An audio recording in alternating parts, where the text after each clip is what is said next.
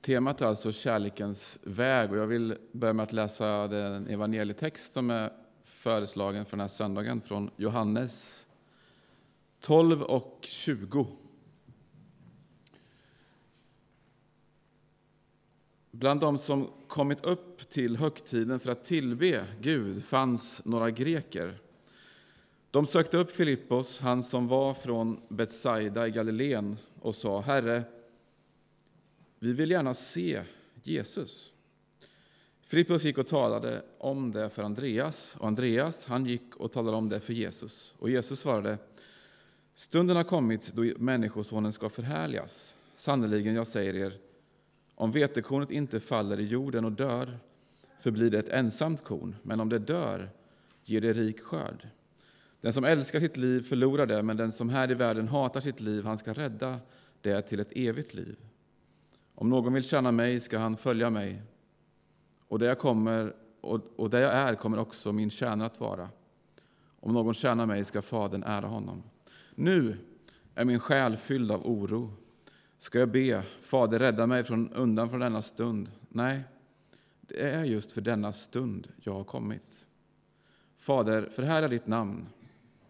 Och då hördes en röst från himlen. Jag har förhärligat det och ska förhärliga det på nytt. Folket som stod där och hörde det sa att det var åskan, men några sa att det var en ängel som talade till honom. Jesus sa, det var inte för min skull som rösten hördes, utan för er skull. Amen.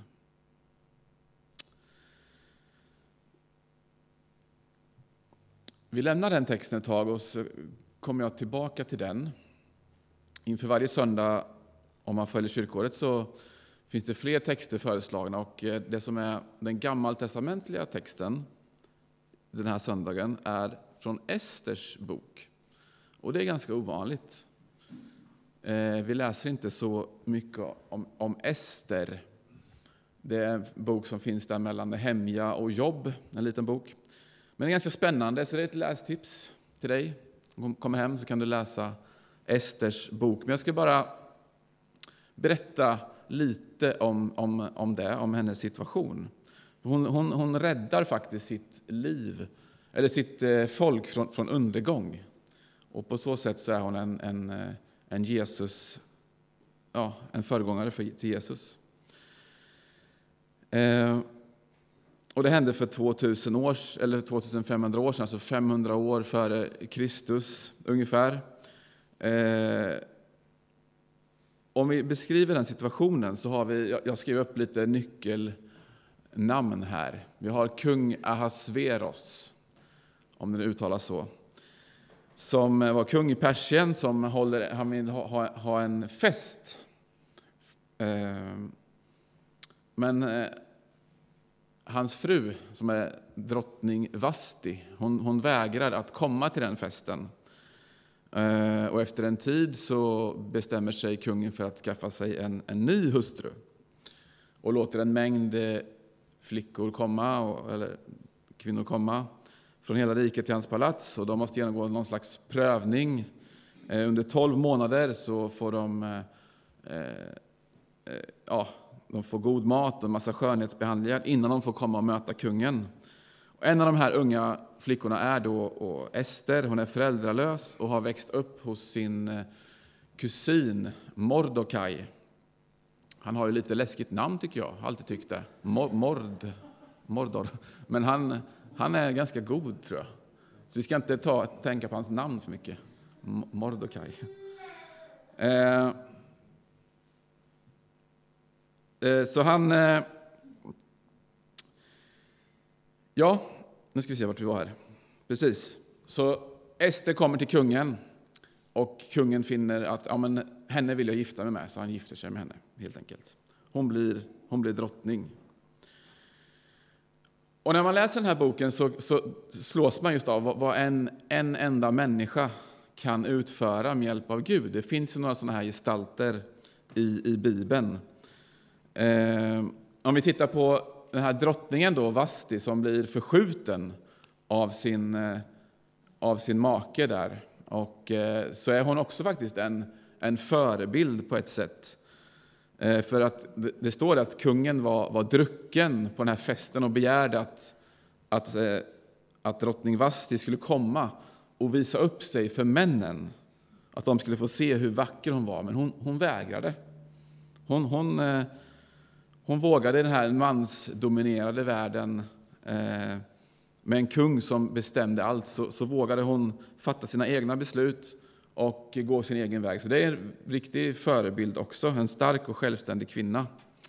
Ja, men det var Vasti. Men om vi går tillbaka till Ester då. Så sker det mycket så här politiska intriger och det finns en annan eh, man som heter Haman. Han är en, en ond statsminister, kan man säga. Och han vill utföra en etnisk, eh, det finns ju goda statsministrar också. Ja. Han vill utföra en etnisk rensning och helt enkelt eh, rensa bort judarna. Judarna hade ju blivit eh, tillfångatagna för länge sedan och flyttade till det här landet, till Persien. Och det är där då som, som Ester kommer in och får en, en nyckelroll. Hennes kusin Mordokaj eh, hade vägrat att buga sig för, för Haman. Och han trodde att han skulle komma undan med det eftersom han var från en annan religion. Men det gjorde han inte. Utan här Haman då blir arg och befaller att inte bara Mordokaj ska dödas utan hela det judiska folket. Och då blir Mordokaj naturligtvis förtvivlad och säger att han skulle orsaka, orsaka det här fruktansvärda på grund av hans handlande. Så han vädjar till Ester då, som är drottning. Men det var inte självklart, om man läser här vidare i Esters bok, att hon skulle göra det här, för hon riskerar sitt eget liv om hon ska stå upp mot, mot kungen. Eh, men hon skulle kunna avstyra det här eftersom hon är drottning. Och det är, liksom, det är det som är deras hopp. Det var riktigt illa ute med dem. Eh, men eh, hon får i alla fall audiens. Även fast hon var drottning så fick hon audiens hos, hos kungen och får framföra det här. Och det är då som, eller innan det här, som Mordokaj liksom diskuterar och samtalar med Ester om hur hon ska göra. Och då säger Ester så här. Eller då säger Mordecai så här till Ester. Kanske var det för en stund som denna som du blev drottning. Och det är väl det mest kända citatet från Esters bok.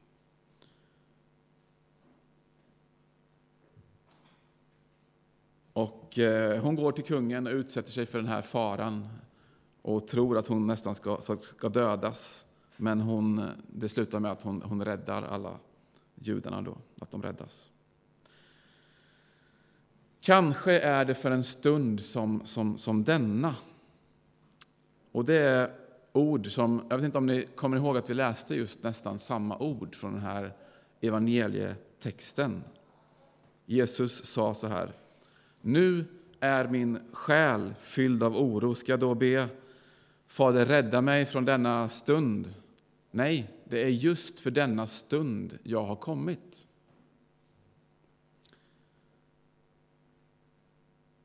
Alltså Jesus använder nästan samma ord som, som Ester, där, som stod där i Ester.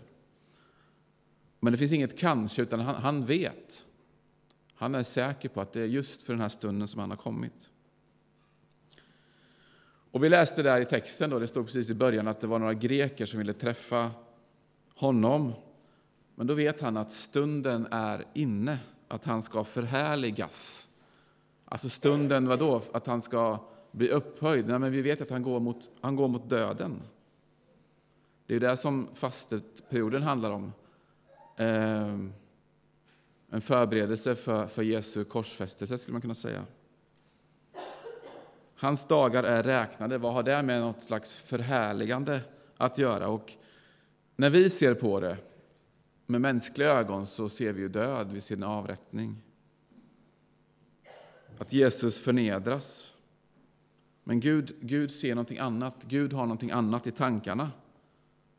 Och det är just det som är kärlekens väg, det Jesus gör. Och Gud verkar på det här sättet. När Gud visar sin kärlek. Han besegrar döden och ondskans krafter. Så det handlar lite om vad vi, vad vi väljer att se, se med Guds ögon eller att se den här faktiska händelsen på ytan, eller om man ser det bortom, eh, innanför.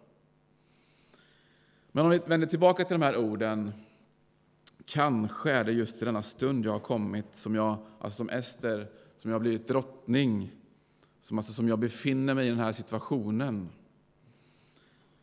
Och jag tänker att ja, men så här kan det väl vara för oss också ibland. När vi ser på våra liv eller händelser, ja, men, så vet man med säkerhet liksom ibland så här, ja, men det var, det var därför som det här hände. Det var därför som jag fick vara med om detta. Eller det var därför som jag befann mig på den platsen i den stunden.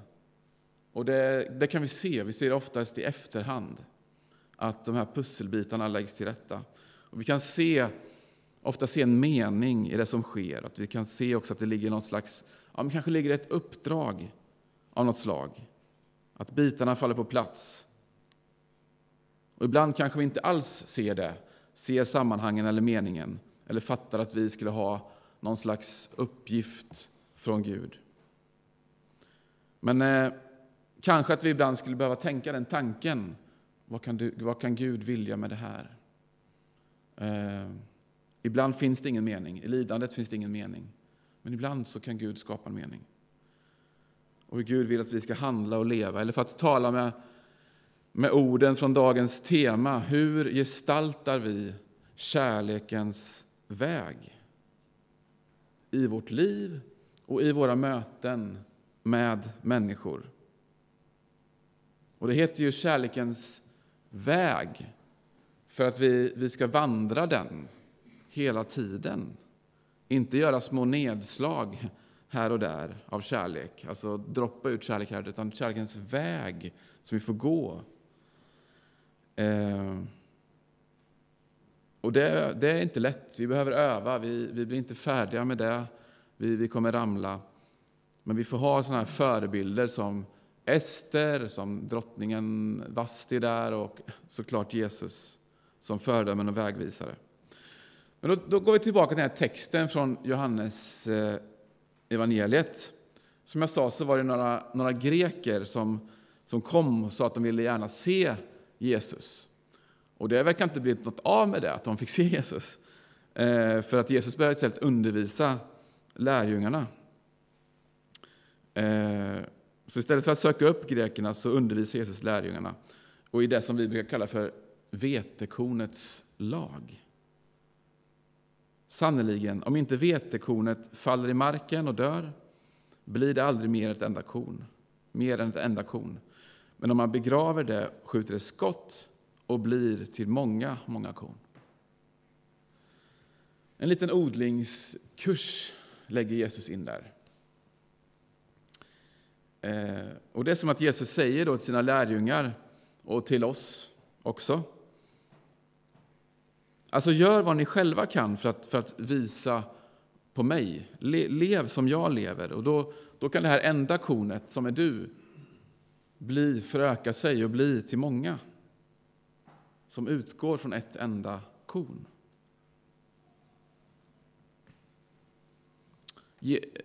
om vi ser på Ester så, så var hon, hon, hon, var beredd att ta det här. Hon var beredd att, att, att dö för att rädda judarna, för hon, hon riskerade det när hon gick till kungen.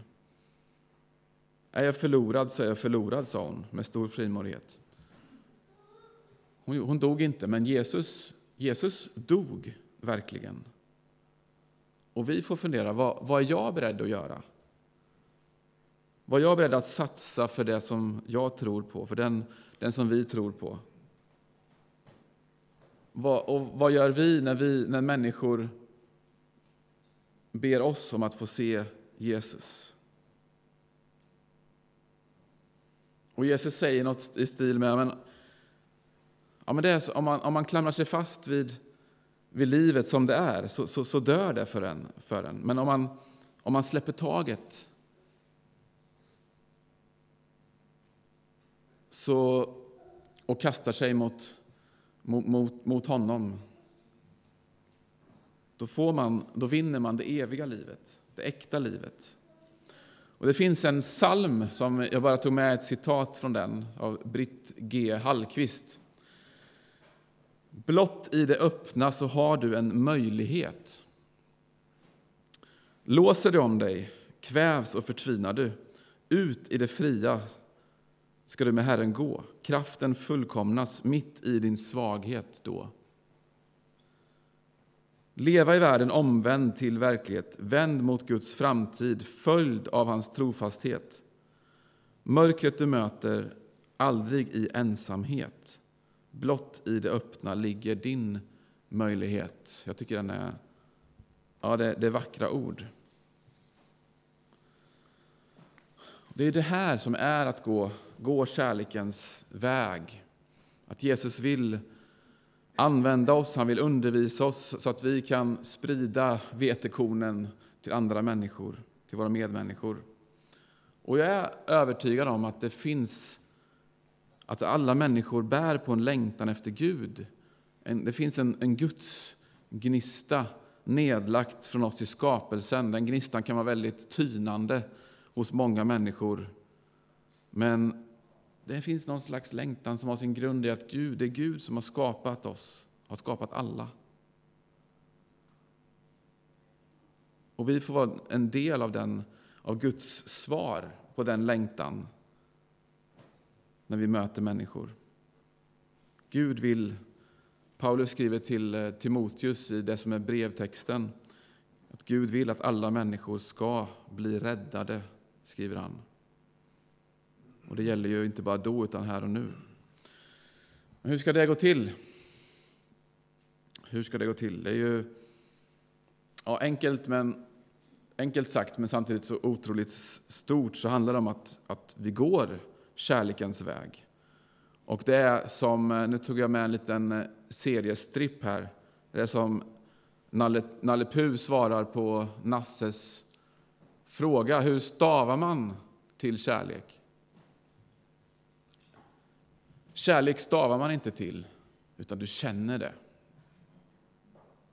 Du känner det. Så är det väl. Alltså, man lever i den. Man, man gör det. Det är en handling. Det är ett liv. Du känner det. Och Ja, vi kanske inte kommer få vara med om något så här storslaget som Ester fick vara med om när hon räddade det judiska folket där i Persien. Men det är inte det här stora, det är inte stort och smått som det handlar om, utan det är, det är troheten. Det handlar om att, att göra det här, att gå den här vägen, att leva ut kärleken i vardagen, i, i mitt liv. Och kanske det är när vi känner oss som allra svagast, när det är de, de, de största sakerna händer. När vi erkänner vår sårbarhet, vår svaghet och ser det och ber om hjälp. Kanske är det när vi, när vi möter någon som vi känner oss helt... Ah, vad, hur ska jag göra? Hur ska jag hjälpa? Vad kan jag göra? Men som vi kan då tillsammans med den personen dela den här svagheten och dela den här hjälplösheten med. Att finnas där att vara närvarande. Och det är också att gå kärlekens väg. När det, när det blir så hjälplöst så att det enda som vi kan göra det är, att, det är att falla på knä, att be. Och Gud kommer. Ofta sägs det att eh, fastetiden är som en, ja men det är, det är en paus. Vi går in i fastetiden. På onsdag är det askonsdagen. Men det är inte en paus i den meningen att vi ska isolera oss på en öde ö och liksom bort från allt och annat, eh, allt och alla. Utan snarare kan det vara en paus när vi får, får vila oss från det som annars upptar våra tankar och vår tid. Att kanske dra ner på saker som vi känner att ah, men det, här, det här kan jag dra ner på och istället kan jag ägna den energin eller den tiden åt att be en bön eller hjälpa någon annan eller ringa ett samtal. Det kan vara fastetiden kan vara en påminnelse om detta. Så, så ta den möjligheten.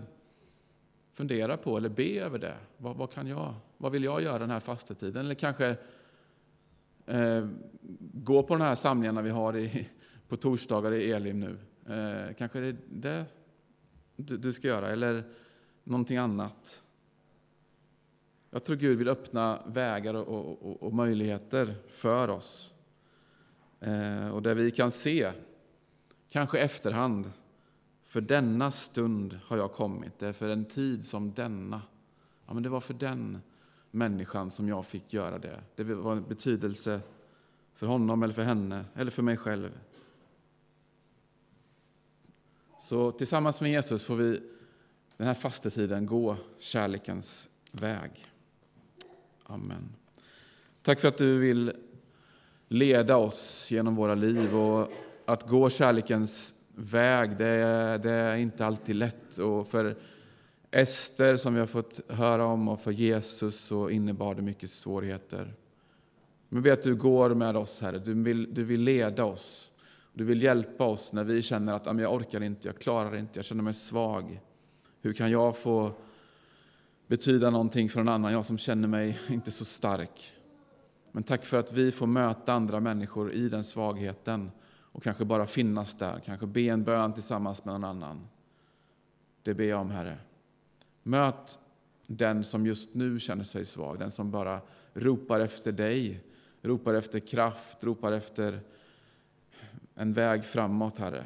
Kom, Gud, kom till oss alla, möt oss där, led oss vidare. Kom med din kärlek, Gud. Vi ber om det, att vi ska få ta emot den och inte att den ska stanna hos oss, utan vi får ge den vidare till människor runt omkring oss. Så att den här världen får präglas mer av kärlek, mer av hopp än av hat och våld. Det ber vi om, Gud. Led oss vidare. Amen.